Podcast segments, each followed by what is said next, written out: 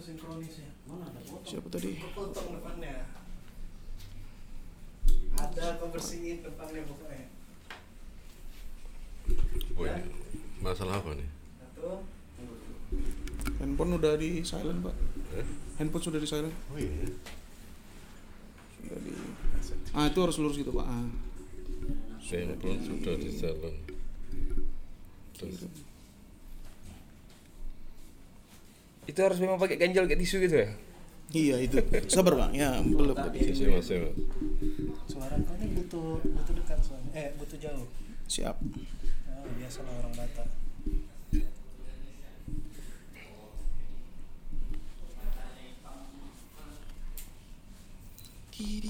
Aku boleh mintain foto sana dulu sebelum sebelum bertanding. Sebelum bertanding. Sebelum masuk ke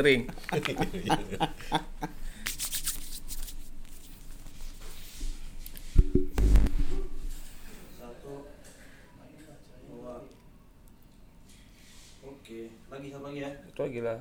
Kita rasa sikit foto tuh. Iya. Satu, dua, tiga. Satu, dua, tiga. Oke. Kasih. Ih, udah datang eh. Oke. Nanti kan itu gimmick nanti aja tuh kan. Bapak nggak haus nah gitu gitulah bisa.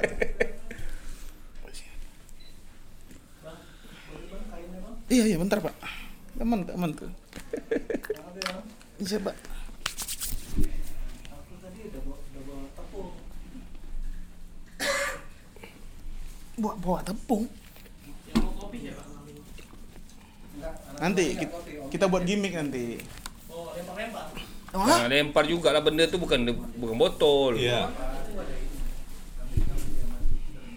Aku bilang aja pakai topi ini mau nggak pakai. Pakai Rom, pakai topi apa enggak? Yang menpak dia aja. Boleh, boleh, boleh pakai topi, boleh. Oke. Ngambilnya enggak enggak kan kita enggak sempar terus. Mau minum apa?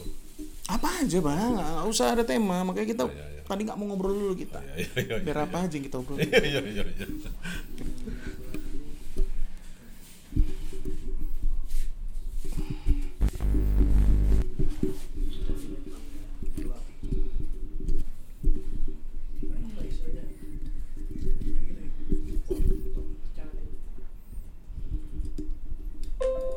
Ah, apa tuh?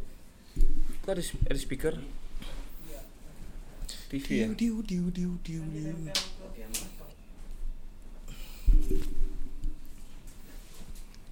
Yang ini barengan nih. Dah, tu picit dah, jangan lupa dah. Gini. Ah, karena ini dia. Oh iya. Ya, fokusin lah muka jelek dia.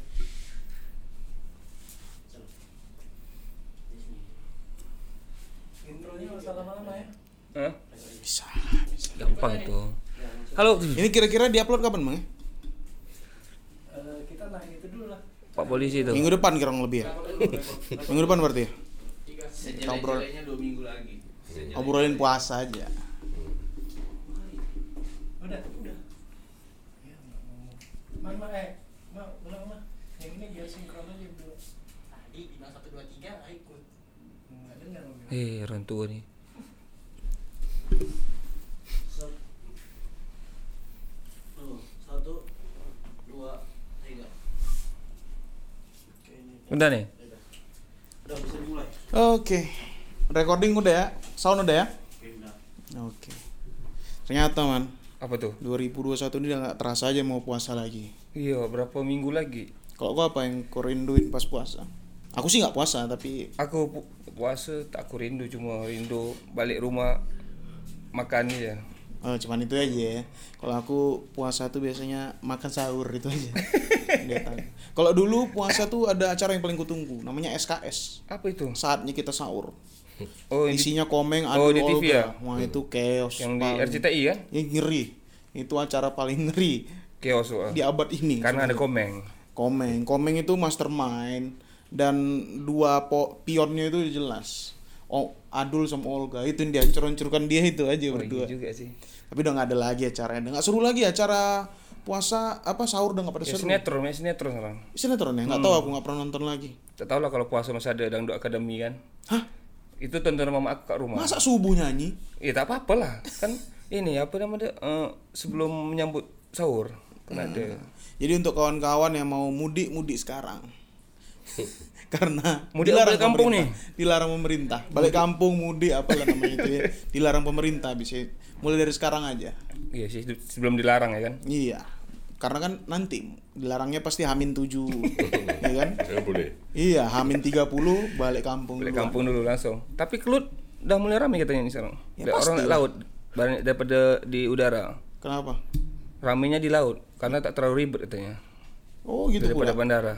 Oke, mudah-mudahan semua saling menjaga, Iya. Iya Jaga kan? jaga jarak. jaga jarak. Kalau yang su- sudah ber eh, suami istri nggak mungkin jaga jarak ya kan. Mempererat keda- kejaraan. Yoi. Yang penting semuanya happy happy aja lah ya. Lebaran tuh Lebaran ini juga man. Kayaknya Sebenarnya apa tuh? bisa kita lihat kita ke rumah orang kaya apa ke rumah orang miskin dari kue nastar. Kalau kue nastarnya lebih banyak tepung daripada nanasnya, berarti orang miskin. Iya kan, kalau orang kaya pasti nanasnya banyak. Sama. Kalau rumah orang kaya itu jarang ada kacang goreng. Betul juga. Iya, iya, iya, iya, iya. Kacang goreng tuh yang terbaik apalagi kalau dapat ininya. Mete. Eh, bukan itunya, Pak. Dapat ini. Eh Oh. bawang putih, bawang putihnya. Saya Oh. suka bawang putih kan. Yang bom bawang goreng gitu ya. Iyo, itu paling terbaik sih. Sama putri salju juga, mantap ya. Kue bawang juga enak ya. Sama kue bilis kau pernah coba? Kue bilis itu apa? Bilis dililit sama tepung. Hah? Ih, tak percaya. Macam kue segini segini kok. Tidak, tidak dia macam kue kue bawang itu dililit kayak tepung kue bawang itu kecil-kecil gini kayak dililitin agak tebal lah segini lah. Di mana adanya itu? Nanti lah order dengan mama aku. Nah, masuk dia. Namanya apa, Man? Nama tempat emakmu tuh jualan? Eh, Mak Imah Kitchen. Mak Imah Kitchen, roti jalannya mantap. Tapi saran aku roti jalannya enaknya kuahnya dipanasin dulu. Iya, Lebih harus. lagi.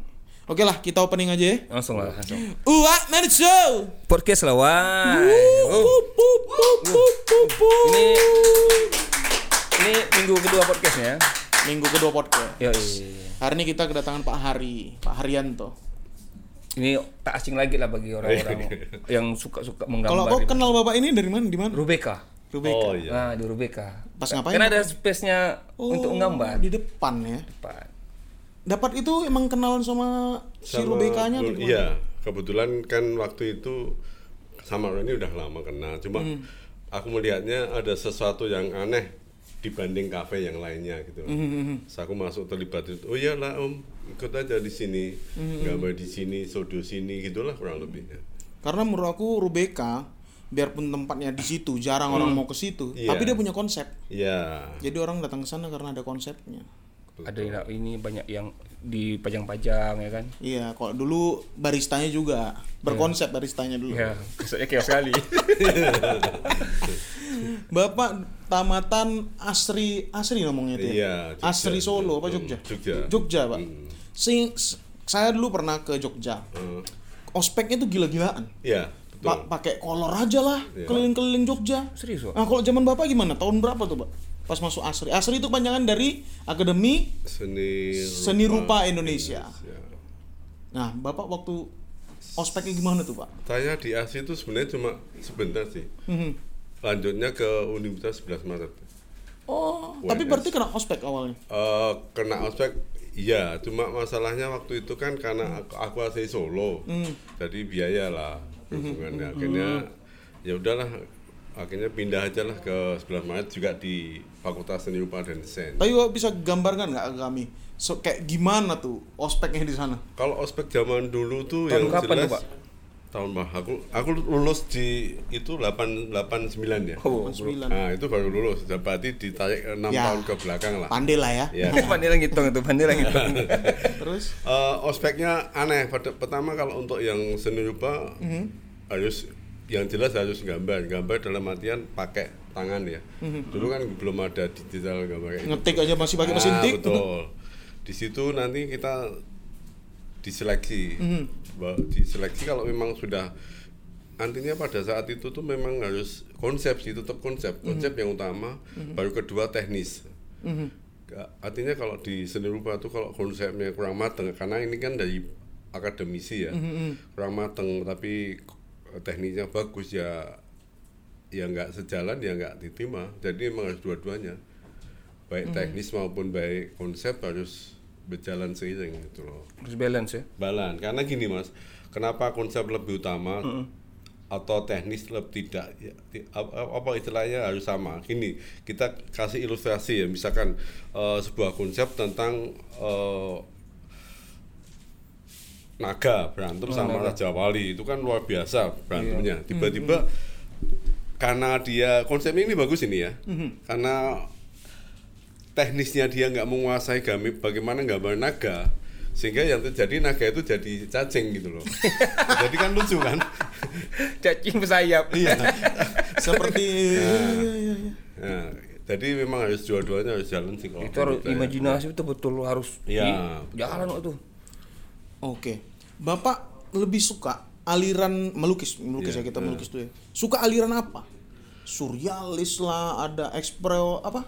Sebenarnya kan? perkembangan Realis, seni rupa ke sini ya artinya kita feedback ke belakang eh, kebanyakan nih awalnya memang dari realis ya Realis tuh siapa aja kok di Indonesia, Pak? realis itu yang paling anu sejak eh, Avandi itu Avandi. realis itu oh, paling- Avandi awalnya realis ya? Iya, karena dia kenapa Avandi itu seperti itu sekarang gambarnya pelepotan karena antara ide dengan Mhm. Tangan. Tangan usia ya itu nggak sekron jadi emosi dengan ininya Oh, nggak iya. sinkron sehingga yang terjadi belum sempat dia ngaduk-ngaduk cat warna di palet dia pakai tubenya langsung Iya. digambar karena emosinya udah meletup-meletup kan ini Iya. nah kalau nggak cepat diimbangi Hmm. Pasti akan hilang Tapi saya suka Avandi di era akhir sih, Pak. di era Samen belum lihat Avandi gambar realis ibunya itu luar biasa bagus banget Sampai Mungkin- jerawat jerawat jerawatnya mungkin nampak ya. ah, mungkin paling Pori-pori bagus ya, di- untuk realis Indonesia ya Avandi nih, man. Hmm. Dia kelukis harus buka baju. Hah? yes betul Yang dilukisnya pun cuman ayam. Tapi betul-betul, woi mantap. Kalau Avandi itu dia cara memandang melukisnya tuh melalui tahapan observasi. Jadi Hmm. misalkan dia mau gambar ayam petarung, ayam apa namanya? Ayam aduan lah. Ayam aduan itu. Jago, ayam jago.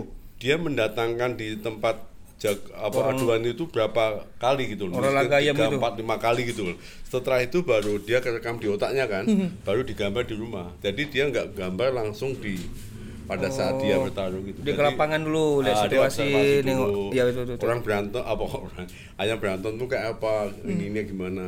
Ah itu. Itu Avandi dia memang Apalagi gambar dirinya sendiri tuh saya lebih suka lagi. bah, proses proses penciptaan, penciptaan karya dia tuh melalui observasi itu yang yang kalau Avandi ya. Avandi yang gambar dirinya sendiri Ya, tuh potret dia ya. potret diri gila. Katanya ada sama Nasirun. Ya. eh, gambar Avandi nih, dia gambar diri sendiri tapi otaknya keluar. Eh? Hmm. Dan dia ngegambar ada matahari, tapi bentuknya kayak corona sekarang, virus corona. Oh, dia punya cabang-cabang Iya. cabang-cabang Nanti gitu. bisa dilihat lah di podcastnya mojo.com. Iya. Wah menarik Avandi. Terus selain Avandi apa eh, siapa namanya itu yang yang terkenal sampai Eropa itu lukisannya? Ya, Kalau realis yang gambar-gambar macan gitu-gitu pak apa namanya? Siapa namanya itu ya? Pelukis pertama di Indonesia itu loh. eh, Oh, si Anu Raden Saleh. Raden Saleh. Kalau Raden Saleh itu juga tuh. Anu prosesnya begini, dia memang lahir dari orang kaya. Betul. Oke. Jadi dia mengalami pendidikan di Belanda, Eropa. Eropa. Tinggi berarti. dia. Jadi kalau secara sebenarnya bisa digambarkan sih hasil lukisan masing-masing pelukis itu dia prosesnya bagaimana. Kalau Avandi prosesnya memang dari orang miskin, Mhm. eh, dia gambar aja ditukar dengan sebincuk Mi- nasi. ma- makan Iya, nasi. Nasi, Dia Sekarang harganya harus miliaran. gitu, karena daripada dia nggak bisa makan, Hmm. akhirnya lukisannya dia skate diganti dengan nasi. Hmm. Itu Avandi. Kalau Raden Saleh memang dia memang keturunan orang ini orang berada gitu jadi Hmm. ningrat gitu jadi ya hasil lukisannya ya tentang sesuatu yang indah sesuatu Iya. yang Oh, iya, iya. megah nggak mungkin dia akan gambar rakyat jelata nggak akan mungkin pasti itu Iya, iya, iya. Jadi eh, yang autodidak sama orang sekolah gitu kan. Eh, Kalau yang apa yang sebenarnya Bukan apa gitu kehidupannya, man. Iya. bukan bukan di masalah otodidak dan sekolah tapi lebih ke kehidupannya Iya. Oh, kehidupan. iya berangkatnya dari mana gitu Iya, kayak tadi kan Avandi ngegambar eh, apa tadi? Ayam- ayam ayam. beran- ah. Kalau orang kaya nggak akan kepikiran gambar Tinju ayam. di sini orang tinju. iya kan? Iya. orang tinju diri bukan orang yang laga ayam kan. Nah. Betul, betul, betul, betul. Kalau di zaman Bapak tuh tahun 80-an, 80. kan seni rupa ini meledak di tahun 98 Hmm. sampai 2008 kan, Pak? Hmm. Itu man, 10 tahun juga ya. mahasiswa-mahasiswa aja laku semua lukisannya. Habis. Ya. Nah, kalau di zaman Bapak gimana tuh? Di zaman aku tuh agak susah mas, Eh, Hmm. pengertian pelukis itu agak susah karena memang mungkin belum sampai ke belum banyak yang artinya gini lebih ke media, media Hmm. pada saat aku kan memang agak belum sehebat Ya. tahun itu Ya, ya, sehingga betul, betul, betul. perkembangan untuk keluar pun juga susah gitu loh. Didukung media juga sih. Betul. Ta- Tapi anak sekarang kan di, diuntungkan dengan media sebenarnya. Iya, Iya kan? betul sekali. Ya, sekarang apa-apa digital, apa-apa iya, digital. digital. Ambil tinggallah di puncak gunung sana, nggak usah perlu ke kota. Iya, betul. Tapi kalau ada kontak medianya ini kan bisa juga kan? Iya, betul, betul, betul. Dari sana bisa ke Eropa, artinya dikirim gambarnya. Kalau dulu nggak, kan memang kalau dulu kalau nggak pameran ya lu nggak siapa yang Dulu tahu. pameran hidup sih. Padahal itu tadi kayak tadi kita bilang kan, Iya. Avandi Maestro makannya susah. Iya, makanya susah. Ya, tapi emang peledakan apa seni rupa di tahun 98 tuh emang gila-gilaan Karena kabarnya. pada saat di tahun itu tuh ada gerakan seni rupa baru. Nah, gerakan seni Ah, rupa tuh? baru tuh me- mendobrak eh, standar-standar seni rupa yang biasa. contohnya Pak Contohnya seperti Bonyong Muniadi itu gerakan seni rupa baru terus eh, Gatot Sutejo banyak sekali sih. gambarnya Terus gimana tuh Pak Ivan menobaknya gimana Nasirun termasuk kan Pak Nasirun gitu. Jadi mereka melepaskan sesuatu yang sifatnya standar domestik gitu. Misalkan gambar orang tuh harus presisi gitu. Di tangan gerakan seni rupa baru tuh dirubah total sama sekali. Kepala bisa di bawah, Oh, abstrak kaki lah, bisa di abstrak ya. atas. Jadi sudah mulai mulai apa? Mulai agak agak sebenarnya terinfluen dengan luar sih. Misalkan Andy Warhol, Andy Warhol. Andy Warhol itu kan Andy dengan Warhol. uh, Madonnanya gitu. Di, di Indonesia juga juga ada. Siapa, Pak, Tipikal Andy Warhol tuh kalau nggak itu salah. grafis kan Pak cetak mencetak kan Sebenarnya lebih ke grafis murni itu. Grafis sebenarnya. murni, ya. Ah, grafis murni. Tapi ide itu akhirnya juga dipakai oleh orang-orang kita juga. Mhm. Eh, mungkin nggak kalau nggak salah ya, aku agak lupa juga ini tadi. Ivan Ivan Sagito, Ivan Sagito tuh dia dia seperti seperti ini gambar seperti Salvador Dali. oh surrealis. Uh, surrealis itu Ivan Ivan Sagito. Jadi dia menggambarkan tentang kalau Salvador Dali kan dia dengan jamnya yang meleleh. Kalau si Ivan Sagito dia dia lebih menggambarkan tentang sapi. Sapi lembu itu di di, di, di tempat hamparan yang luas, tiba-tiba di situ ada sapi yang jauh sekali terus ada yang pohon apa, pokoknya yang surrealis itulah. berarti sejauh itu sapinya Iya. berarti kecil sapinya berarti gambar Wah itu Kecil kalau tapi kecil itu macam melihatnya mana gambarnya tuh? ah. Susah juga. nah terus eh kenapa bapak pengen seni rupa padahal di era bapak seorang Avandi aja susah makan Eh, pengertiannya gini, karena aku kebetulan sebenarnya bukan seni rupa dalam artian harus lukis enggak sih. Dari Fakultas Seni Rupa dan Desain itu ada namanya desain dan seni murni. Nah, yang di, desain itu misalkan desain tekstil, desain interior, desain grafis itu advertising itu, desain produk, desain kriya, ada empat ya. Kalau yang seni murni itu misalkan lukis patung, desain eh, grafis murni cetak sains dan sebagainya macam nah itu seni murni. Aku kebetulan pada saat itu ngambil di desain interior. interior. Nah, jadi ya bermainnya di interior. Biasanya kalau orang begitu gambar lukisannya itu nggak jauh dengan konsep-konsep interior. Teknik berarti teknik Iya, yang lebih ke teknik. teknik. Nah ini kenapa siku ini Iya, dipikirin berarti iya. ya? Jadi perabotan kalau bahasa gak Batamnya perabotan. perabotan. Oh, perabotan. nah jadi bapak ngambilnya ke situ biar lebih istilahnya bisa mencari duit lah mungkin dia itu betul Kerjaan juga kan masih kayak gitu kan. Karena banyak kan kalau anak-anak yang dari uh, seni murni kayak lukis patung atau grafis murni biasanya larinya tuh ngajar, ngajar di SMA, di SMP kayak gitu. Jadi Dia guru lah biasanya guru. kebanyakan guru, guru seni rupa kayak gitu. kebanyakan seperti itu Kalau patung tuh lebih ke apa sih? Pahat-pahat gitu. iya patung tuh lebih ke empat dimensi ya seperti gelas itu Empat dimensi ya namanya, bukan tiga ya? tiga tuh kan dari tiga sisi kan Oh, ini empat. empat Oke. Atas bawah kanan kiri. Kalau patung tadi empat dimensi terus? Tiga sampai empat gitu lah pokoknya. Nah, kalau apa lagi Nah, patung kan pematung hmm. itu kan medianya macam-macam. ya betul Pasti kayu, ya batu. Batu. Ya. Ada yang pernah aneh nggak di era bapak?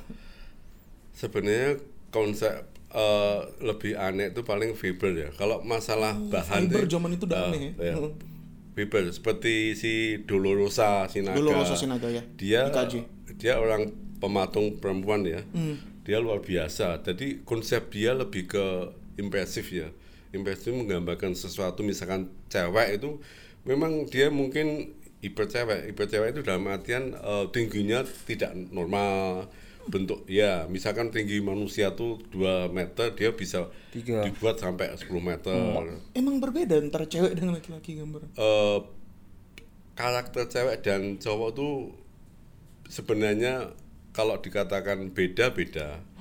Tapi kalau dikatakan tidak tipis sih bedanya gitu Tuh, kalau di tangan dia tuh lebih ke apa ya melihat sosok patungnya dulu dulu Sinaga tuh kayak sesuatu yang misterius gitu loh mas sembunyi jadi nggak realis dia Misteri, dia ya. gambarnya pasti nggak realis beda dengan Nyoman Warta yang Cuman di warta DGWK. Ah, itu kan realis banget kalau nggak anu, ya, beda banget. Memang berangkatnya beda sih. Ke kurang lebih itu. Ah, sebenarnya kalau aku melihat ya secara pribadi, justru patung yang bagus itu adalah patung yang merubah image dari bahan menjadi sesuatu yang beda. Misalkan di zaman pada saat itu ada temanku yang yang aneh ya, yang orang patung, studio patung lah, disiplinnya di patung, ambil jurusan patung. Nah itu tuh gini, dia bahannya dari batu, oke, batu batu betul itu atau eh, salah sih, kayu ya, bahannya dari kayu nangka itu kan agak, tapi dia menciptakan kayu itu seperti eh, benang, seperti kain, seperti seperti kain. Kain. kain. Padahal kan itu kayu. Da- Iya, jadi ah, jadi dia dirubah yang sesuatu keras menjadi lunak. Caranya intinya ya kan detail di detailin di detailin di Di gambarnya pahatan ya? di pahat ya. Pahatannya. kalau di luar negeri ada sih yang namanya mungkin bahannya dari semen apa. Dia buat bantal guling gitu loh. Bantal aja Tapi detail gitu. detail tapi bener-bener bantal padahal itu semen nah orang kalau ketipu nah, biasanya kan dicontohin ngomong di anak mukul ya. nggak tahunya dia keras Keras. itulah pat- itulah yang kalau menurut saya itu patung yang uh, artinya yang kena Mhm. kena yang dituju itu seperti itu sih kalau saya sih ya lebih lebih ke berubahnya kun, apa material ke konsep itu loh Oke. Gimana seorang Pak Haryanto iya dari Solo, Jogja awalnya terus ke Solo hmm. Sampai ke sini. terdampar di Batam. Terdampaknya tuh karena waktu itu saya mendapatkan ini mas pekerjaan di Planet Hotel. Nah itu ada sekitar untuk kamar-kamar itu ada lukisan abstrak kan. Itu sekitar Oh iya, 300 banyak tuh. ya, Banyak 300 400. Itu Bapak yang lukis, Pak? Ya, itu pada saat awal itu kan ditenderkan juga sampai ke ke, ke- waktu itu masih di Jakarta ya, kerja di Jakarta. Eh, sehingga ya aku mah adu gitu, diadu dengan yang lain. Terus konsepku masuk, ya udah aku datang ke sini Oh, ini ketemu dipilih gitu ya. ah, Jadi berapa pilih. orang yang ini Ah, nanti di sorti. Oh, paham. paham. Ya, tuh. Buat 300 lukisan, Pak. 300 dalam waktu berapa satu bulan harus selesai karena Hah? karena lukisan Berapa? abstrak lukisan abstrak Berapa berapa lama pekerjaan satu bulan dikasih satu bulan Ah, banyak temen yang nggak sanggup tapi, tapi kan saya pakai teori artinya itu kan buatnya kan dari art karton itu art karton tebal Oh ya, karton. Ah, nah itu saya pentang di triplek yang ukuran triplek gede itu Oh, triplek yang ah, triplek yang kecil itu ya ya. ukurannya kan 40 kali 50 Ah, misalnya. ya. kita potong-potong dulu namanya abstrak kan Bebas sih. bebas dan misalkan dapat saya dulu satu satu baris itu dapat 6 gitu loh. Oh. Habis itu Oh, betul loh. Ah. Jadi tekniknya jadi satu karton betul. tuh sekali jalan itu banyak warna itu kan Betul. tahu silang-silang silang. karena abstrak aku berani nyak sanggup Iya tapi sih. kalau itu bukan abstrak realis atau naturalis Apalagi realis mungkin bunga-bunga nggak itu kan. ya mungkin nggak sanggup aku Karena abstrak itu. ini kan geser-geser ini Dia mintanya abstrak. percah-percah mintanya itu. abstrak Boleh juga. Kita celup agak gini. ah, macam kita celup tangan di cat kita cepet-cepet udah abstrak ya. Iya, tapi sebenarnya gini loh mas, Hmm. kalau kita telah lebih jauh lagi, sebenarnya abstrak itu susah loh. Susah karena harus ada artinya. Bukan, karena Hmm. dia proses penciptaannya ya, dia harus bisa menahan bagaimana dia mulai, Hmm. mulai membuat gambar, bagaimana dia mena- menahan emosinya, berhenti di situ sebenarnya yang dimaksud. Karena nggak mungkin abstrak, abstrak gambar abstrak tuh tiba-tiba Asal-asal gitu kan. udah selesai kan, nah, besok datang lagi tambahin warna ini, itu sudah nggak murni karena memang harus spontan. Bagaimana mengendalikan emosi itu abstrak. Dan satu lah banyak lah. Abstrak tuh harus menguasai komposisi warna, Oh iya, betul, komposisi layout, terus stroke tangannya itu seberapa jauh. Kelihatan kalau abstrak modelnya pelarian itu kelihatan warnanya pasti warna mentah. Terus freehand tangannya tuh mungkin nggak selo ke sebebas kalau dia memang bener-bener orang dari orang abstrak gitu. Kelihatan. Terus layoutnya juga wah kelihatan kok. Itu bisa dinilai. Karena ada penilaian dari unsur-unsur seni rupa tuh SOP-nya lah. Itu harus begini begini begini gitu. Oh iya itu tuh. ya itu biasanya kan dari akademisi yang tahu. Karena dia kan dibekali dengan filsafat seni, Betul. psikologi seni, Betul. Penguasaan warna, tersier, primer, sekunder, dwimata, nirmana, Nirmana. banyak banget terus layout komposisi banyak banget, freehand banyak banget mas. Macam kawan gini Pak, siapa macam si siapa kawan kita tuh? Siapa? Yang buat abstrak tuh si Yopi Yopi. Yopi. Yang Batak. Nah, Bapak kan Yopi kan? Kalau Yopi itu sebenarnya dia bukan abstrak. Dia penciptaan karyanya melalui intuisi dengan menurut Yopi pada pernah ngomong sama aku ya. Dia ada sesuatu yang makhluk apa? Astral atau gitu, apa. yang me, me- mengguiden dia. Itu Bora, sah-sah aja. Itu bagus sebenarnya.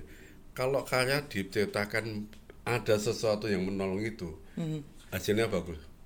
Anda lihat eh, lagu-lagu yang di Eropa yang bersimbiosis dengan makhluk-makhluk astral. Ya. Iya, Biasanya bagus lagunya. iya sih. Ya.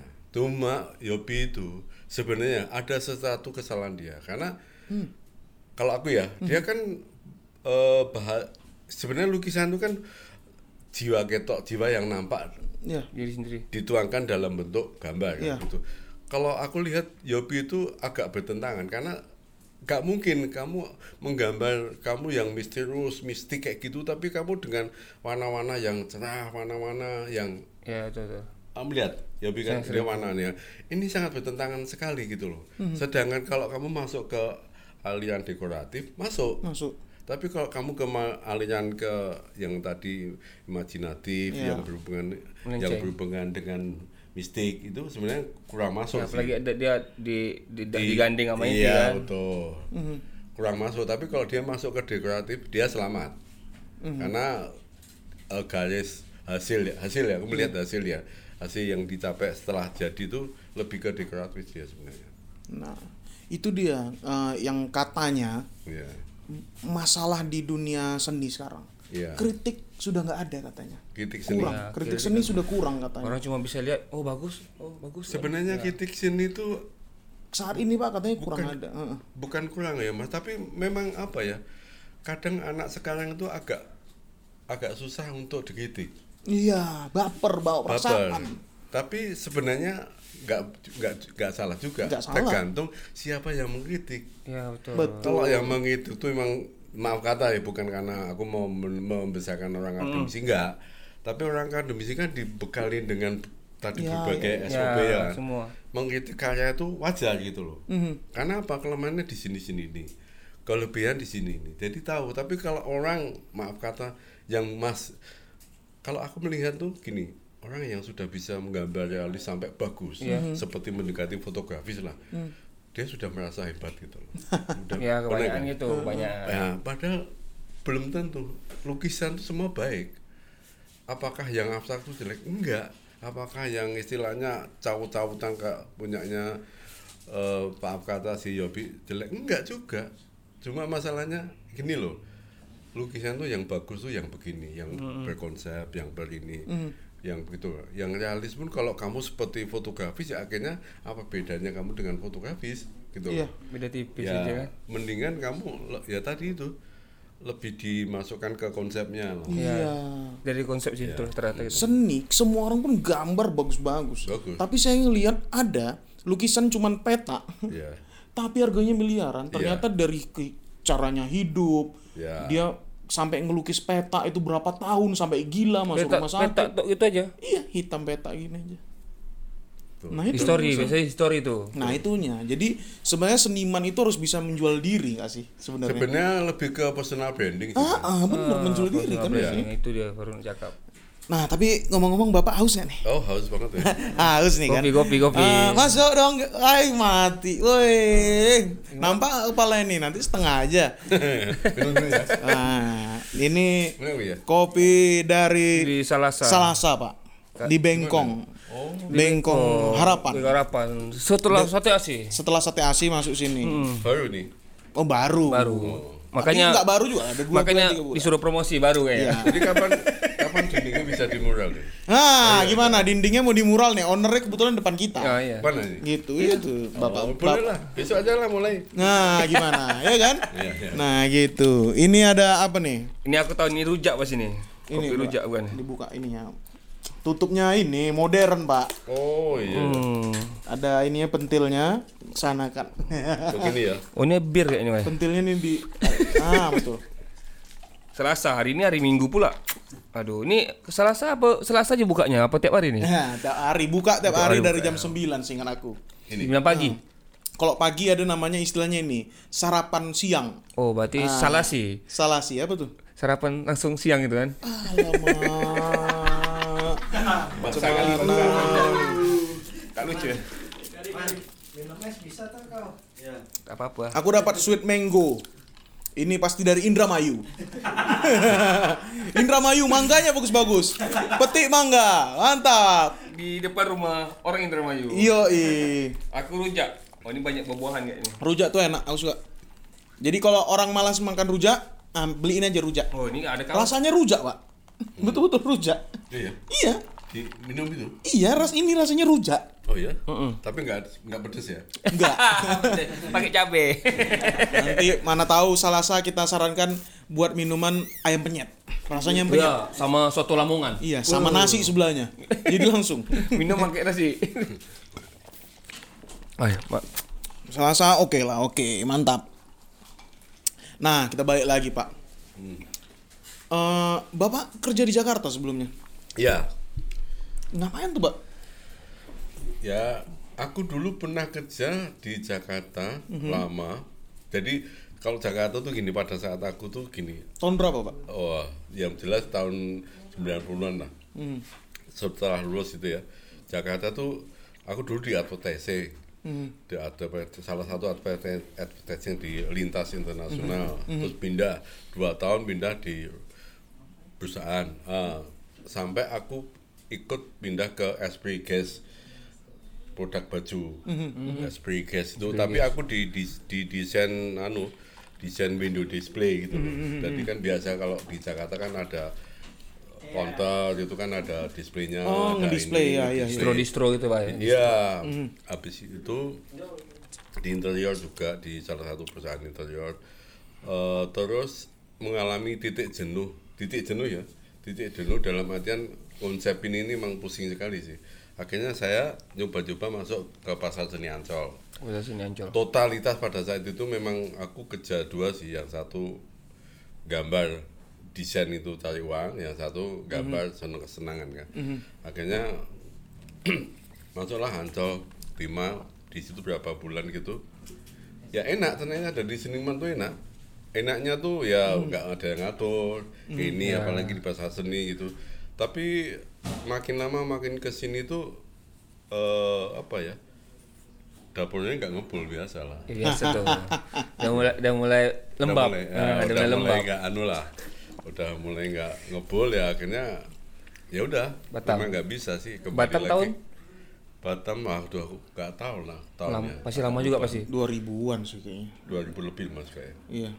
ya gitu Tapi sekarang nih di Tanjung Pinang nih lagi Apa, Mas? pameran nih Pameran apa? yang di Pabrika. Pada lihat, Ah, ah, Fabrika. udah dua hari nih pameran ya itulah eh, yang lukis apa semua. Hmm. Ada satu si siapa namanya tuh yang buat acara tuh. Gope kayak yang buat acara Ya ya ya. Ya, di bagus. pabrik. Oh iya, Iya. bagus. Nanti ada Kapan? di udah dua dari udah dua hari nih Oh iya? sama hari ini Oh, di Tanjung Pinang. aku nggak tahu loh. Kalau tahu mau sih datang waktu ini. Ya, nanti kita kasih link ke Bapak. Iya, iya, Asik. Karena gini, aku suka sih mas. Kebetulan ini kan di di di Batam tuh kan ada ada komunitas seni rupa juga ya, namanya BJJ Batam Coret-coret, ada yang Batam Sketcher, ada Kolce, ada apa lagi ya, banyak lah. Mereka kan saling diskusi, saling ngobrol juga. Kemarin juga habis pameran rame-rame juga sih di di salah satu kafe. Yang aku kemarin kan baru selesai pameran tunggal kan Iya betul. di Di mall ya di. di Kopi Mall itu kan dalam rangka pandemi Hmm. itu memang yang membiayai dari dinas eh, Kementerian Pariwisata Jakarta jadi Hmm. konsep iya jadi konsep pamerannya itu memang pertama tentang pandemi kedua memang pada saat bulan nggak salah di bulan awal ya awal bulan ya Hmm. Ya, awal bulan nggak salah awal bulan kemarin tahun 2021 ya di Hmm. Januari Ya yang lah. Pak Sandiaga Uno ke sini. Yes itu. Nah itu Hmm. di ceritanya begini di uh, kabupaten kota seluruh Indonesia Hmm. itu ada sekitar 500 berapa gitulah ya. Aku nggak apa. Batam itu termasuk 100 sa- 100 berapa yang dapat hibah dana untuk pandemi. Itu nilainya berapa M gitu loh. Hmm. Aku lupa juga. Batam dapat dana itu. Lah terus ada temanku juga, Mas ini ada dana kan. Ada kira-kira apa yang aku ya jelas aku punya lukisan. Jadi lukisanku tuh aku buat begitu pas pandemi masuk di bulan Maret ya, nggak salah ya. Iya, iya. Aku mulai gambar. Temanya memang pandemi. Sampai terkumpul sekitar 70 lukisan lah ya. Waduh banyak ya. Banyak. Cuma ukurannya memang 40 kali 50 kecil-kecil sih. Oh, yang kecil-kecil. Ah, Kata aja. Pak kanvas mahal. Iya, pertama itu kedua memang kalau di rumah di studio kan lebih enak Mas. kalau kecil. Yang Terus ke, santai. ke akhirnya terkumpul terus saya dipanggil dari Despar sini, Dinas Pariwisata Batam. Batam. Aku presentasi lah tentang kopi, tentang ini tema-temanya ini ini ini. Masuk, oke. Aku proposal ngajuin berapa budgetnya sekian, nah, nggak perlu sebutin kan. Sekian, oke, masuk langs langsung. Kalau gitu besar Pak Edan yang minta. Lebih kan Pak kalau itu jebol. Sebenarnya, tapi, nyesal pasti. tapi sebenarnya aku sudah untung juga. Oh iya, tapi kan bisa untung lebih banyak. Karena untungnya gini, untungnya lukisanku terbingkai. Iya, betul. Itu yang pertama. Di notice Ke- orang, dilihat orang. Betul. Itu yang paling penting. Hmm. Dilihat orang. Ketika aku pameran tunggal, tunggal. Keempat tuh pada saat pameran tunggal itu ada berapa daerah yang serentak gitu loh, serentak. Oh, buat juga. Buat juga. Batam itu termasuk salah satunya dari Kementerian Jakarta tuh datang juga pada saat pembukaan pameran. Hmm. Jadi ya alhamdulillah ramai gitu. Kami ya turut bangga juga ngeliat itu kan Bapak kemarin Dan, eh, buat dan juga pameran itu. Iya. oh apa Pak Hari ini ngasih juga eh, lukisan ke Pak Sandiaga Uno kan. Yes, ya. ya itu karena Pak Sandi itu juga kebetulan saya nggak tahu. Oh iya iya mas, ya oh iya ya gitu. Yang kemarin dana itu ya. ya. Tapi yang aneh Sandiaga Uno itu umurnya 50 lebih loh. Muda. ya? muda ya. Iya. Anak ini. Udah kaya, ganteng. Mau apa lagi? Dan dan dia juga yang salah satu orang yang buka jalan untuk anak orang-orang seni yang di Jakarta Jakarta ini buat acara. Kan dia. Dialah salah satunya. dia menteri ya. Menteri Tapi lo pariwisata, Pak. Gila lo profil Iya, dia cuman katanya katanya cuman naik Liv- Livina kalau di Jakarta. Iya, dia tuh pakai ini loh, tahu anak-anak muda sekarang yang pakai karet-karet gelang-gelang gitu. Iya, iya. iya. Anak muda. dia kayak gitu. Sepatu pun sepatu muda, anak muda kan. gitu. Yang padahal di anu yang lainnya tim-tim yang istilahnya Nah, berumur lah gitu kan. yang itu pakai bajunya ini Rapi-rapi gitu kan. Dia dia selalu ya. slow aja. Ya kalau kita umur kita 50 lebih kayak Pak Sandi ya? Kita tengok aja lah. kayak kayak kayak Om ini kan, nih oh, anak muda. Oh, iya, iya, iya, Iya. Kalau ini dimudah-mudahin biar kayak muda. Ya, biar, tak biar masuk setiap kali tongkrongan yang muda biar tak kaku Karena kan. gini mas, saya mindset kehidupan saya itu begini. Saya lebih baik bergaul dengan anak muda, biar kelihatannya muda. Yo iya. Kalau saya pula. bergaul dengan anak orang tua seusia saya atau di atasnya, pasti yang diceritakan adalah kalau enggak penyakit, Politik. ya kan? kalau enggak cucu dan sebagainya. Burung. Ah, burung. Kalau enggak, ya gitulah pokoknya. Ya kan piara burung man. Nah, kalau anak muda kan enggak yang diceritakan pasti cewek. Nah. Dan juga kalau anak muda balik bisa malam, orang Iya, tua betul. disuruh belum Iya. pulang pak. Ada nih Pak pertanyaan yang mengganggu saya nih maksudnya. Fine art itu apa sih Pak artinya sebenarnya? Fine art. Fine art tuh ya seperti seni untuk konsep dirinya sendiri, fine. Seni yang baik menurut dia. Oh menurut dia Fine- bukan ada beberapa orang Fine bilang art gitu. sama apply art. Ah itu gimana itu? Apply art tuh ya seni untuk dikonsumsi. Mhm. Jadi kayak misalkan kemarin aku, aku melukis ini, melukis dengan aku maunya gini-gini bla bla bla bla, itu ke fine art artinya. Tapi kalau aku gambar ke mural itu apply art, Permintaan. permintaan lebih ke permintaan. Oh. Play sama. Nah, jadi kalau lebih jauh lagi sebenarnya Mhm.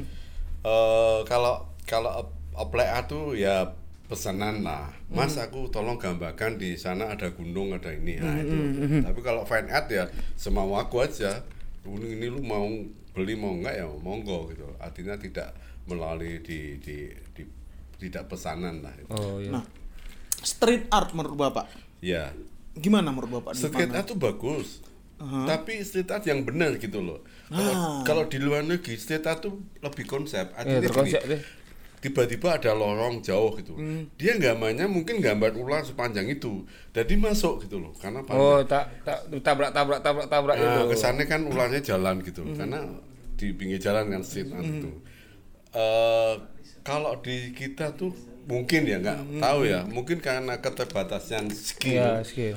sehingga dia pakainya dengan huruf aja di graffiti di ini sebenarnya maaf itu bukan salah sehingga itu Iya. bagus juga iya tapi kalau lebih lebih ke verbal artinya lebih kelihatan kasat mata misalkan eh, ular Iya. gitu atau naga yang benar-benar sesuai dengan sesuai tempatnya tempat enak. itu beda beda dengan misalkan hanya tulisan A B C D gimana beda kan Iya, betul, betul. Uh, muara artnya tuh lebih lebih kental Hmm. kalau kita benar-benar lebih ke visual gambar itu Mas. Kayak di Rusia tuh atau di mana gitu. Jadi setiap gerbong kereta api tuh kereta api di stop, nah, mereka gambar tuh kota atau apa tangan orang Iya. panjang itu. Itu di Rusia tuh di mana tuh kalau dari Iya, YouTube. New York juga ada tuh.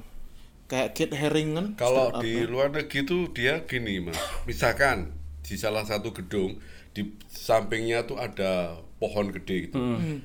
dia menciptakan pohonnya itu rambut itu seperti rambut dibuat rambut Hmm. jadi dia tinggal gambar kepalanya Oh, pohon iya. itu ini kan kayak Oh, rambut ini rambut. Jadikan Oh, rambutnya. iya, Bu, jadi iya. lebih ke konsep gitu loh memanfaatkan medium kan, memanfaatkan situasi Hmm. misalkan kayak gitulah Dan juga dengan segala dengan cara mandang juga sudut Iya, kata. Kalau melihat rambut kepala tuh entah dia lurus gini, ada ada itu. ada yang gambar mural tuh ada tembok tembok dinding itu gerowong itulah pecah lah retak gitu loh. Lah dia gambarnya tuh gambar macan. Macan tuh keluar dari situ. Padahal ini kan lubang. Jadi dia kalau anu bisa melihat macannya keluar dari Iya, dari berapa angle dilihat gitu kan. Ah, betul. Yang sekarang lagi lagi lagi tren tuh ini malah pohon. Pohon besar. Kita kelilingin dengan mungkin eh, kan kanvas atau benda putih. Dia gambar. Dia gambar misalkan tangan gini lah atau tangan nunjuk gini. Misalkan pohonnya segini dia gambar ini. Tapi sisa-sisa dari tangan itu dia gambar-gambar di sebelah sana. Jadi seakan paham? Jadi Nyambung jadi, gitu. nah misalkan ini ya. Ah, nah iya. ini. Ini kan misalkan ini gambar, gambar tangan. Di sana kan ada anu ada Oh, kain itu. mengerti, aku gambar ikut sana kain. Iya, iya, dan iya, seakan-akan dia tuh di sana. Jadi Ini satu sendiri. medium, betul padahal medium. Ya makanya lihatnya sana. dari berapa angle gitu Betul. jadinya. Itu lagi tren juga ya. jadi ini ini dibikin gitu seakan-akan dia nahan batangan pohon itu bagus Kan gini Pak, Em, pertanyaan lagi nih. Batam nih banyak seniman sekarang. Hebat-hebat bahkan Tanjung macam-macam Pinang hari ini buat Ya. pameran. ya Kita ini dekat dengan Singapura. ya Salah satu pusat eh, kota apa negara apa namanya? Kota lah kita bilang Singapura Ya. kecil. ya. Kota seni dunia. ya Iya kan? Eh, museum art of Singapura tuh gila-gilaan isinya. Sobis gimana gitu. Orang-orang yang yang punya cemeti, owner cemeti salah satu lukisannya di situ juga. Di situ Iya, ya, iya. Cimeti ya.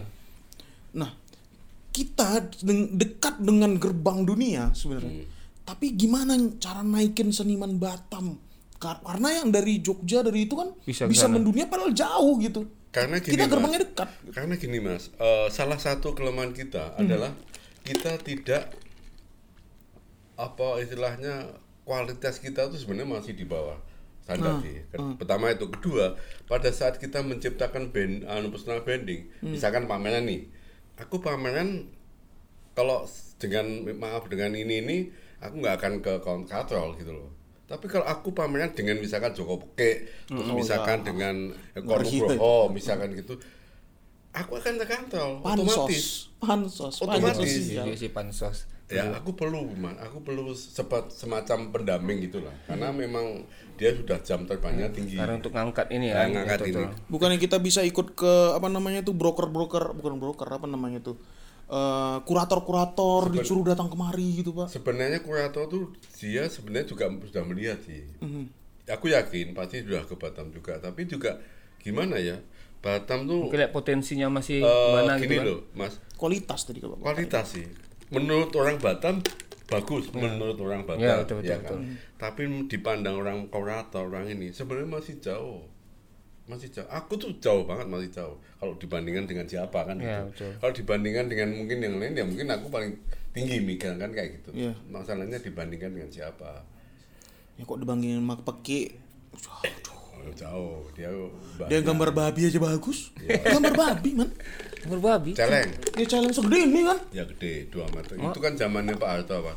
Zamannya Pak Harto tuh kan dia disimbolkan bahwa Pak Harto tuh seperti celeng, Iya, besar banget sekali. Dan di samping-sampingnya tuh pada Senang. di apa gitu. Oh, iya. Kecil banget. Itu kan lebih konsep kon- konsep. Tapi masih lihat gambar celeng dia. Ngeri-ngeri.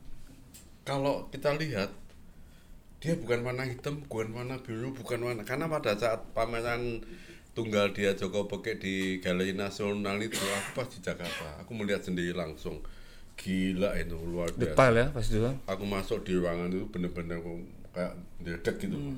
Kejut. Atmosfernya suasana yang menegangkan betul, bukan menyenangkan, ini menegangkan terlibat dalam atmosfer itu gitu loh. Sama dengan pada saat Safad eh, bukan Ahmad Sadali, Ahmad Sadali kan pelukis kaligrafi ya, dan dari Aceh. Itu pameran di Galeri Nasional itu aku melihat ada semacam lorong di situ apa namanya mungkin jembatan Siramatullah Mustaqim apa apa gitu.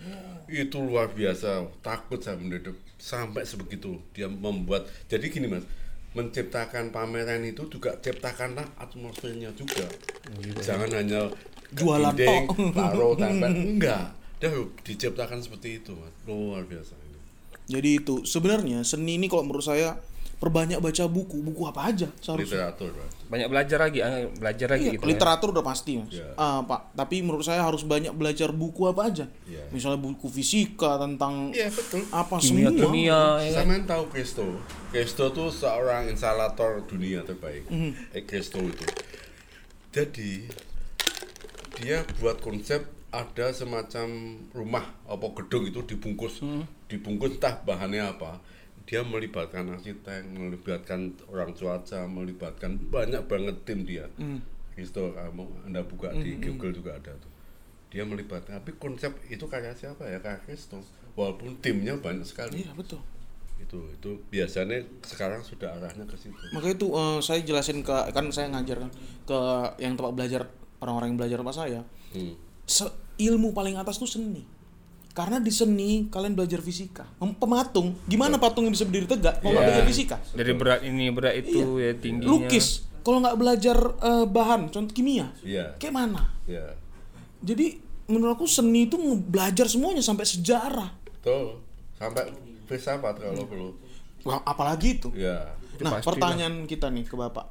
Batam nih butuh nggak sih landmark apa kayak patung gitu kita punya patung atau punya apa. Welcome to Batam tuh udah bagus tapi maunya ada lagi gitu. Sebenarnya sangat butuh. Pada saat itu aku pernah waktu Habibie masih hidup ya. Mungkin kelihatannya masih. Di situ memang mau dibuat eh galerinya Habibie. Jadi aku konsepin di situ ada pesawat yang keluar gitu di Welcome to Batam di atasnya itu. Dan di situ pakai entah bisa pe- pesawat betulan ditaruh begitu, entah Lukisan. bangunan fisik gitu bisa. Ada kok sempat ada kok nanti di gambarku tuh. Pak. Udah tuh Jadi terbuat bentuknya bentuknya bentuknya fisiknya tuh pesawat. pesawat. Di dalamnya nanti isinya galerinya istilah Habibie gitu loh. Wah. Iya menghormati kan Batam itu tanpa Habibie Iya, juga ini. Betul, Pak, betul, itu betul. itu itu aja tapi Dialah nggak tahu yang pertama. itu oh enggak pada saat itu anaknya Habibie dia bilang aku nggak bisa mas ini lebih ke masyarakat Batam menginginkan nggak kalau aku Bener yang juga menginginkan dia ya. nanti kesannya individu oh ini kan bapakmu gini bapakku gini nggak Iya, enak itu gitu juga sih. pernah sama ngomong begitu Pak. jadi Oh, ya iya, tergantung masyarakat Batam sih Kalau menurut Bapak eh, bundaran Madani. ya Ya kan ada tuh. ya Ah, bagus gak tuh? enggak Sudah, ini enggak sudah aku duga. sangat tidak Sudah aku duga. Itu kabarnya miliaran loh tuh. ya Lebih ya hampir hampir dua kayak. Maaf katanya Mas ya. Aku Nggak tidak usah maaf, dalam tanda petik ya. ini hanya menghabiskan Anggaran. anggaran aja. Ini hanya banjaan karena kontennya nggak masuk sama sekali. Kontennya apa yang ditontonkan hanya bermain dengan warna-warni lampu. Masyarakat kita sebenarnya an- banyak yang tahu, sangat ada yang tahu, tapi mau ke apa? Mau berkata apa lagi gitu loh. Sama dengan titik-titik eh, misalkan dataran Guamida, maaf ya. Iya, Langsung aja ajar, Pak. Terus ini aduh, Saya ini jodoh aku tuh kan. sebagai seni rupawan ya yang tinggal di Batam. Sebenarnya kalau sedih sangat sedih sih.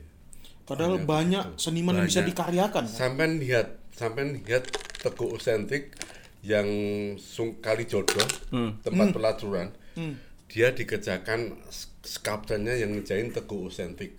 Teguh Osentik itu kakak kelasku di asli juga itu, luar biasa itu. Di mana, Pak? Di mana Kali ulangi, Pak? jodoh, kali jodoh. Kali jodoh, kali jodoh itu kan dulu tempat lokalisasi di Prostitusi. Oke, Jakarta. Kirain jodoh sini. Oke. Dari sini kan jodoh. Maksudnya gitu loh. Ini Tanjung Panton. Tanjung Panton. Maksudnya gini. Kirain ya, Tanjung Pantun. Itu maksudnya. ya oh gitu loh. Mbok ya kalau buat sesuatu tuh yang memang bener punya Jangan nanggung gitu, oh. punya konten yang luar biasa. Pernah kemarin aku waktu itu Pak Yusfa Hendi ya di Spare waktu itu aku pernah buat sketch ini, sketch patung bener berapa titik aku sketchkan sampai aku cuma me- me- apa ya mengekspos apa sih Batam tuh waktu itu kota industri ya. Aku cuma bikin tahu kan roda roda yang G itu loh yang bulat-bulat industri kan berhubungannya dengan Gear- gitu. gear lah. itu aja satu Gigi titik tarik, tapi gigi tarik. ukurannya segede tingginya mungkin 20 meter apa apa akan beda gitu loh Hmm. hanya begitu aja nggak usah terlalu banyak neko-neko gitu Hmm. pernah aku sket mungkin sketnya masih di des Pak. banyak sekali Jadi Betul, gitulah ya. Batam Miliaran. gini lah. Batam nih mana yang banyak lampu itu didatangi orang iya iya untuk foto. Emang ini anak dugem. sebenarnya sebenarnya saya tidak langsung me, me- me- ini me- apa, menjawab untuk itu gitu loh Tak terkadang aku nih aku kan asli Batam ya. Lahir besar kecil semua kat Batam. Aku pun tengok orang-orang itu kampung. Terlalu kampung. Macam tak pernah jumpa lampu kat rumah kan bisa kau pasang depan pintu. Nak air raya kan bisa. Iya. Air raya kau nak pasang nak bentuk dia gambar burung ke. Maksudnya gini mas, ini contoh ya, tak, sorry tak potong. Misalkan kita mau mentengahkan tentang gasing ya, Hmm. Ya gasingnya tuh yang gede tapi yang dimiringkan gitu loh, nggak Betul, betul. gitu. Oh ya ada ada Ada, ada. gitu. Ada, ada. Itu ya ya ya. Ya, ya, kan? ya, ya, ya. Nggak sederhana tapi, BNI. ya, betul kan? Ih, Cuma sebesar meja ini kan. Nah, maka itu, ya ini ditendang aja udah hancur gitu. loh. Tak ke mana di mana-mana gasing tuh jarang berdiri. Iya, pasti miring, Malaysia kan? tuh pasti dimiring. Nah, gitu loh. Yang berdiri apa, Mak? Iya, iya, iya. Keadilan. Iya. Aduh. Karena punya saron bengkok. ke kanan ke kiri punya kawan. Ah, Punya kau kanan kiri bengkoknya. sekarang lagi melipat dia. Nah itulah. Mbak, kita kan pengen narik wisatawan juga kan. Iya. Tapi wisatawan Singapura nengok itu, hah? Apa ini? Iya, Tadi kira tempat duduk. ganjel- Ganjel pintu loh itu. Kira orang tempat duduk kan? Tong Dikira sampah. Tempat duduk manaan, betul. Jangan-jangan gini, Pak. Pak. Karena orang Singapura udah biasa lihat yang bagus, dikasih yang jelek. ya mungkin gitu mas Nah, terkadang nanti jadi omongan nanti anak-anak orang-orang Batam nih tak terima wah. Dah dia yang buat, dia diomongin orang tak terima. Nah itu dia, ada penelitian dari London Mm-mm. bahwa orang yang mudah tersinggung IQ-nya rendah. Ya. ya ya, ya. Kenapa tuh mana yang disuruh baca? tuh? Museum Gonggong Tanjung Pinang. Oh, Museum Gonggong Tanjung Pinang. Menurut Bapak gimana tuh bentuk bangunan itu? Salah juga Kalau aku bilang tuh bukan gonggong, itu range. Sorry ya kawan-kawan Tanjung Pinang, itu range. ya betul, betul. Itu bukan gonggong. sebenarnya gini nih mas kalau anda lebih cerdas apa cermat cerdas lihatlah Taman Mini Indonesia di situ ada keong loh Mm. keongnya kan bagus banget. Di dalam keong baru ada galerinya. Keongnya kan bener gitu loh bener-bener proporsional gede banget gitu loh taman mini ada kayak keong mas itu bagus loh kenapa yang gonggong tuh nggak melihat dari situ gitu loh Tetap, Apakah karena iya. anggarannya gonggong. Enggak, Pak. Itu surya apa apa kubisme. Tidak, tetap, tetap ke ini Illuminati. dugem. Iya, Ah, Pak, Illuminati. Iya, betul juga. dan sekarang kayaknya udah hancur ya itu ya Masih ada, masih ada. masih Enggak, pertanyaan Bapak udah hancur belum itu. Ya kita hancurkan Aku lah. udah nggak pernah ke sana. Karena aku melihat terakhir itu udah agak hancur karena memang dari materialnya nggak menunjang sih. Iya, Pertama itu semua. kedua agak dipaksakan. Ketiga mungkin mengejar budget anggaran aja. Udah misalkan anggarannya Ya anggar, M, anggar, anggaran sekian yang di Ciko ya sekian. Nah, itulah. Ciko. Menurut aku gini sih. Gini wah, Buat apa sesuatu sebet- tuh ajaklah seniman. Iya. Yes. Buat Paling skate park, skate park, ajaklah untuk yang main skate-nya. Betul. Ter- dilibatkan lah. Iya. Macam gonggong itu sebetulnya apa sih? Susah tuh tinggal buat pakai semen ya kan? Bikin mal dari apa buat bentuk gonggong, betul-betul gonggong. Ini bentuknya petak gitu. Sebenarnya kalau gonggong itu kalau bisa dibentuk fisik bangunan aja. Ya gitu Pak, saya gitu. Jadi di dalamnya tuh memang ada galerinya, ada tempat untuk istilah panggung terbuka kayak gitu gitu lah ya. Sama tempat pijit. Pokoknya one stop shopping lah itu. Ah. Jadi ada juga jual-jual aksesoris gonggong, Iya, siput-siput, apa semua kan? Tengok coba Prancis cuman tulisan love.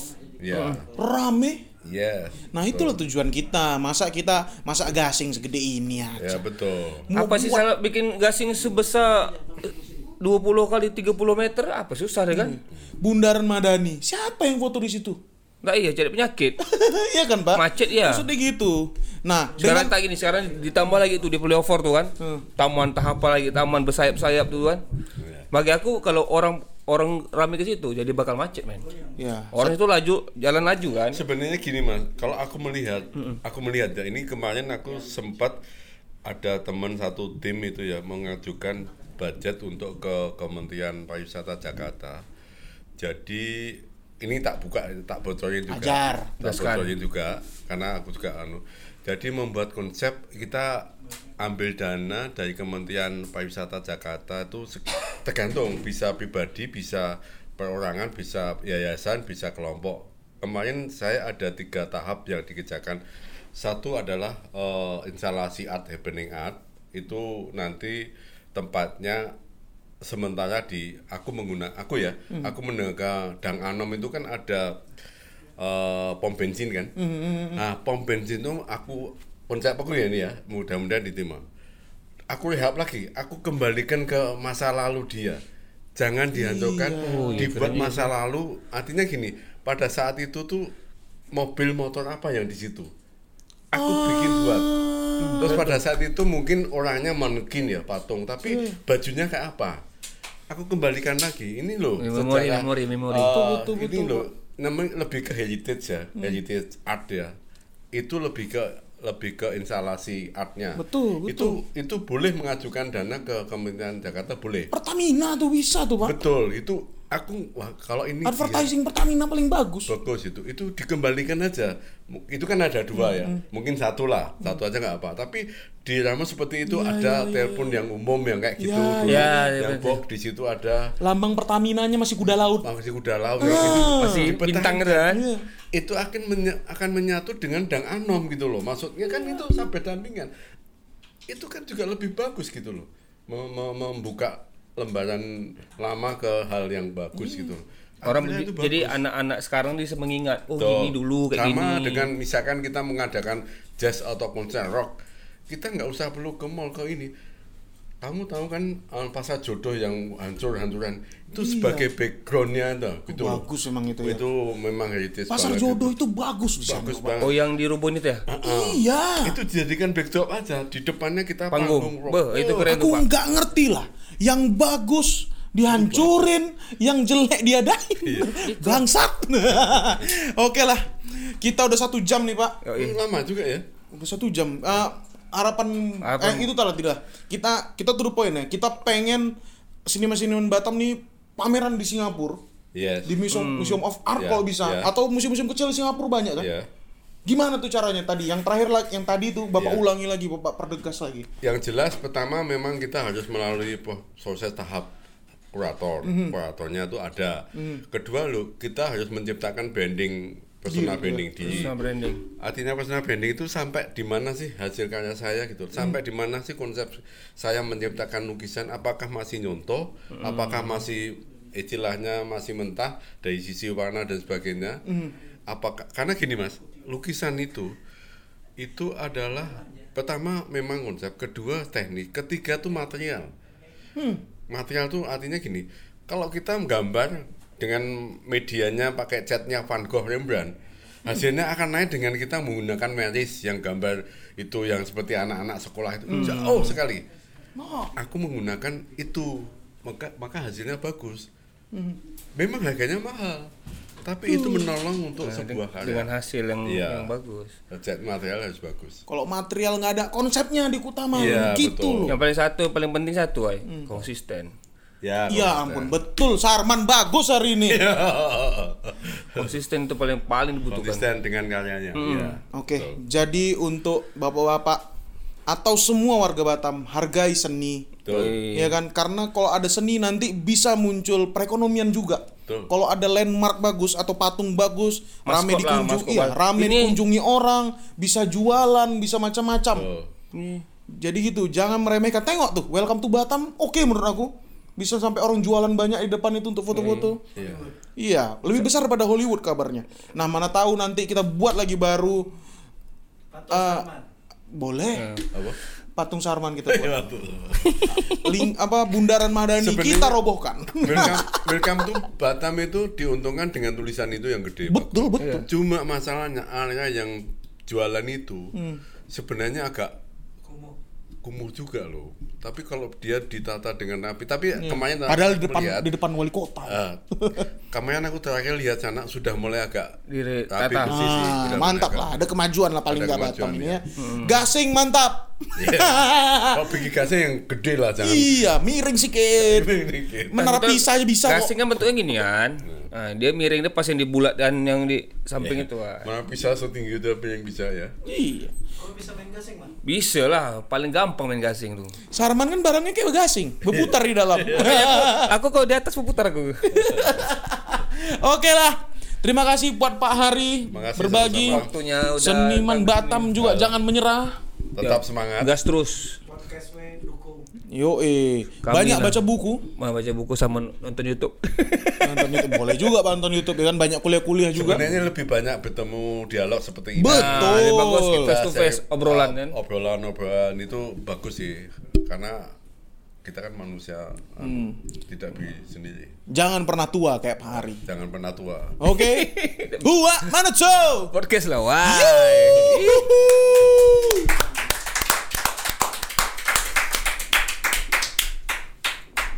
Down satu ini ya, kamera. berapa? Berapa jam? Cepet banget ya. Itulah Pak. Eh, cepet loh. Orang satu ini jam. bilang ngomong jangan lama-lama. Satu jam tuh sebentar. Kau apa, Beleng? cepet. Satu jam cepet. Makanya Pak. Biasanya berapa jam? Satu jam. Iya. Pak, pokoknya kita support, Pak. Mau Yo, yo, aku suka, aku. pameran, hubungin kita, kita bikin podcast dulu. Ini besok ada pameran teman-teman sih, aku nggak tahu ikut atau enggak di Dang Anom itu. Dalam rangka apa? Itu loh yang Tatita yang buat, yang apa kuliner itu loh. Hmm. Kan heboh apa apa di situ. Iya tuh Seru. Hmm? Oh seru mas, aku eh, gitu. Sebenarnya sederhana aja loh. Bik- bikin gasing aja, tapi gasing yang gede terus dinaikkan. Bagus loh, sederhana gitu loh. Aku masuk museum Avandi di Jogja. Aku kuliah di Jogja kan. Oh ya, Gak pernah bosan di sana. iya. Suasananya kebentuk. Ngeliat itunya kan abang, Hah? kuburannya kan. Gini aku anak PTN ya. UPN. Aku. Oh inilah. Yang mana tuh? Di ring road berarti. Ring Road tuh kampus eh, kampus utama. Teknik ya? Teknik. Ada. Fisik. Ini mau ke Jepang ini aku baru. tuh. Mau ke Jepang? Ini Waduh. ada lukisan ke Jepang. Mantap, gas terus pak. Ben aku mau ke Jepang gak ada duit. Hmm? Kalau udah niat, lu. vokalis pula lagi cekak. Nanti dulu mana? Kalau eh, copot aja dulu. Dan ada apa? Kasih istirahat dulu, rubah, rubah settingan dulu kan. Ke Jepang. Tengok nih man, bapak ini baru ngobrol sama kita, udah mau diajak ke Jepang. Kita ke Sukupang. Salam. Gimana? Ada ada lukisan ada. Eh, Oh di UBK. Di UBK. Tahan, tahan. Bisa, bisa digulung. Ah. Yang mana yang Eh? Oh, boleh, boleh. Lukisan apa maunya? Eh?